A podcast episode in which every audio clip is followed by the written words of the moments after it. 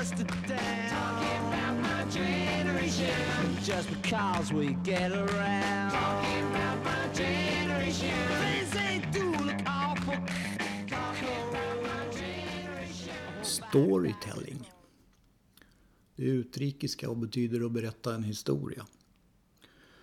Och så här i coronatider så blir det ju inte så mycket eh, vanliga radioprogram gjorda. Man vill ju inte gärna sticka upp mikrofonen under snoken på någon snorig människa och få en massa virus att sprida vidare. Så att ehm, då var det någon som skrev till mig så här att kan du inte berätta en historia? Och då tänkte jag att ja, det kan jag väl. Och då kom jag automatiskt att tänka på den här boken som jag skrev för ett år sedan. Där fanns det faktiskt ett par historier som inte kändes riktigt färdiga. Eller rättare sagt, hade jag skrivit ut hela historien och berättat alla detaljer så hade väl den där boken blivit tjockare än den heliga skriften. Ni vet den där boken med ett plus på framsidan.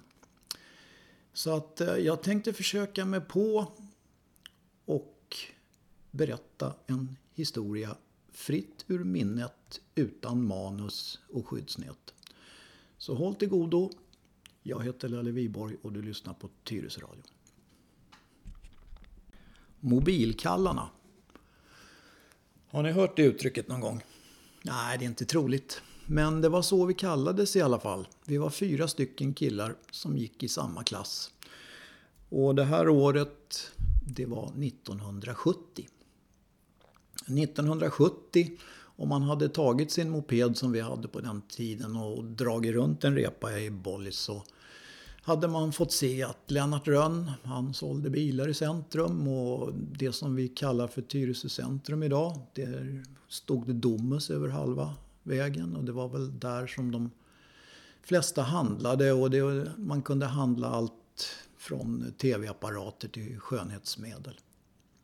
Så det var väl som en liten knutpunkt då på den sidan. Och så på andra sidan hade vi blåshålet med alla de affärerna som låg där. Eh, och mobilmacken där vi jobbade då, den låg mitt emot brandstation. Och brandstation i Bollits den var ganska nybyggd då. Ehm, och vi mobilkallar, vi kallades så därför att det var ingen som riktigt såg någon större skillnad på oss. Vi var långhåriga, vi hade blåa jackor med mobilmärken på, röda revärer. Och så hade vi ofta solglajjor. Jag hade det jämt. För jag hade vaj på jackorna och resten var väl för att de, för att de ville spela Allan. Men eh, hur det nu än var så, där jobbade vi. Och där eh, hade vi vår ungdomsgård. Vi meckade mopeder, tvättade eh, bilar och allt vad vi nu höll på med. Och den ägdes då macken utav en hyvens snubbe som hette Arnold. Han var norrlänning och ja, han, han såg oss lite grann som, som sina skyddslingar. Och det här, när den här händelsen utspelade sig, det var en söndag. Och det var morgon och vi kom ramlande in från en finare fest kan man säga. Och eh, det borde inte ha hetat mobil, firma mobil då, utan det borde ha hetat, hetat eh, firma Skakis och Bakis. För det var ofta så det var. Det var ofta fest och det var vi väl inte ensamma om att, att ha fester. Det hade väl alla ungdomar på den tiden. Men som sagt, den här morgonen så kom vi fyra och ramlade in, öppnade macken. Och det var bara en utav oss som skulle jobba. Ehm, de andra tre, ja vad vi skulle göra där, det, det vet jag inte riktigt. Men, men vi var ofta där. Ehm, plus att det kom en tant då som också skulle jobba. Och den här tanten hon var säkert uppåt en 30 bast skulle jag tro. Så att hon var ju som sagt en tant tyckte vi. Och den här tanten hon var lite extra morsa samtidigt. Så hon, hon höll oss i herrans tukt och förmaning och såg till att vi skötte oss och att vi bar oss åt som folk. Och det lyckades väl delvis kanske. Eh, hur det nu än var den här morgonen då så skulle ju den mobilkalle, den arbetande mobilkallen så att säga, han skulle senare på kvällen ut på en dejt. Och tanten tyckte att han kunde inte se ut så där som han gjorde. Han var långhårig, såg ut som ett eh, vilsegånget garnnystan i skallen. Och, och, han hade hyn full med akne, alltså finnar. Han såg ut som en pizza i plåt. och eh, det var ju inget vidare. Så att det här skulle ju åtgärdas tyckte tanten. Så hon skulle börja med att klippa på fimpalinet totalt. Det skulle bli kortsnagg på honom. Och sen skulle han, eh, det skulle läggas en ansiktsmask och det skulle duttas med krämer och grejer så att man fick bort de värsta mm, blämmorna i ansiktet på honom så han kunde vara presentabel då för sin dejt. Till saken hör också att denna tant, hon var liten, hon var hjulbent och så var hon väldigt välväxt. Eller hur man nu ska uttrycka det. Hon, ja, hon, hon såg ut som en, eh, som en byrå, en rokokobyrå. Med, med översta hyllan utdragen. Om ni förstår vad jag menar. I alla fall så skulle hon i det lilla lagret vid kiosken där så skulle hon klippa mobilkallen, den jobbande mobilkallen. Och det var ju ett svårt projekt för att han skulle ju då serva kunder så att jag fick hoppa in istället och det var väl inga problem, det gjorde jag ju så gärna. Eh, och till saken hör ju också det att mobilmacken den var faktiskt på väg och skulle säljas. Och vi hade fått eh, reda på att vi skulle få ny chef. Och det där såg vi ju inte som någon höjdare direkt. Men för vi förstod ju det att vi, vi skulle väl, några utav oss skulle väl bli övertaliga. Och mm, ja, den dagen den sorgen tyckte vi och jobbade väl vidare då. Och vi hade fått reda på vad den nya ägaren, han skulle komma och titta och han hade en far som var advokat.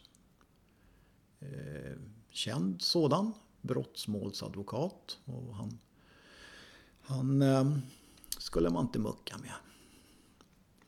Men hur det nu än var så, så skulle han, mobilkalle nummer ett, han skulle bli klippt inne på lagret. Och han blev monterad med ansiktsmask och kompresser och jox i hela plåten.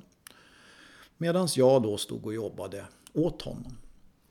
Eh, och tanten, hon hade en sån här, vad, heter, vad heter det? angorajumper heter det. En sån här lurvig grej liksom. Den ville hon ju inte ha full med, med bortklippt hår. Så att eh, den monterades av och där stod hon i bara bhn och klippte. Eh, nu bar det sig inte bättre, och, bar det sig inte bättre än att det kom en dam in i butiken och bad att jag skulle kolla oljan i hennes bil. Så jag var tvungen att gå därifrån. Och eh, ja, då fanns det inte mycket att välja på utan eh, då fick ju då mobilkalle halvklippt full med kompresser och jox. Påminner lite grann om Mumin gjorde han. Och folk ryggade ju tillbaka när han drog undan luckan då och sa vad får det lov att vara? Och ja, det, det var en, en syn för gudarna kan man säga. Och under tiden som jag håller på där och kollar oljan då kommer då den här nya ägarens far, brottsmålsadvokaten. Han har blivit ditskickad för att eh, kolla läget och se vad det är för nissar som jobbar där. Och det han fick se, det kommer nog att gå till historien förmodligen. Han berättar det här för mig efteråt, långt efteråt faktiskt. Och han påstod att han hade aldrig varit med om maken och det, det kan jag väl kanske förstå när jag hörde vad, vad det var han fick se. Det började då med att han fick se den här mumien som slet undan luckan och skrämde slag på halva Bollmora där. Sen gick han in i tillbehörsbutiken och när han står där så lyfter sig locket upp på glassboxen. Och upp tittar ett huvud som säger Fy fan vad kallt det var. Och det här är då mitt i sommaren och det är jättevarmt där inne. Så att eh, mobilkalle nummer två eller tre, vilken man nu vill, han hade ju då svårt bakis, stoppa ner huvudet i glassboxen som nästan var tom och tippat över kanten och knoppa in. Och vaknar, då, vaknar eh, ett bra tag senare utav att han fryser. Och det var det här som då advokaten fick se. Och när han tittar lite vidare och så tar han ett par steg till. Då är det en halvnaken, halvnaket fruntimmer som tittar ut ur en dörr och, och säger att snabba på nu grabbar. Låt det gå undan. Och vad han liksom trodde, det vet jag inte riktigt. Och, och, så får tanten syn på advokaten och så säger hon så här att ja, ursäkta mig, men, men jag, jag har förflutet i ett annat yrke så att jag servar grabbarna här. Och vad det var för yrke, ja det kan man väl kanske tänka sig. Men det, det är gammalt i alla fall, det har man ju hört, det yrket.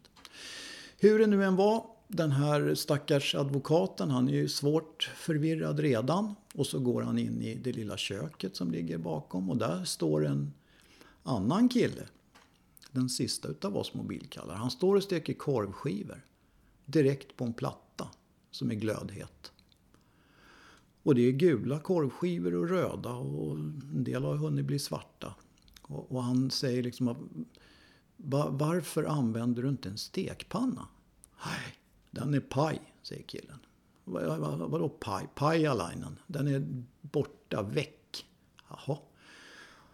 Och den här stackars advokaten han blir mer och mer förvirrad liksom. Och, och, och tänker att det här är ju rena, rena dårhuset. Så att han, han stapplar ut därifrån och han är, han är ja, han vet inte riktigt vad han, hur han ska tolka det här. Men han, han påstod sen i alla fall att det, det var det värsta han någonsin hade sett. Och det kan man väl kanske hålla med honom om. Men hur gick det nu då? Jo, det gick till så här att den nya ägaren beslöt sig för att bara behålla en mobilkalle. Och det blev jag. För han tyckte att jag var den som var, faktiskt var mest normal. Och det kan ju diskuteras. Det mest normala i det här fallet just när advokaten var där, det var ju att inte jag var där. Jag var ute och hjälpte en dam att kolla oljan och fixa. Så att, eh, det var väl på det sättet som jag var normal då, att jag inte var där.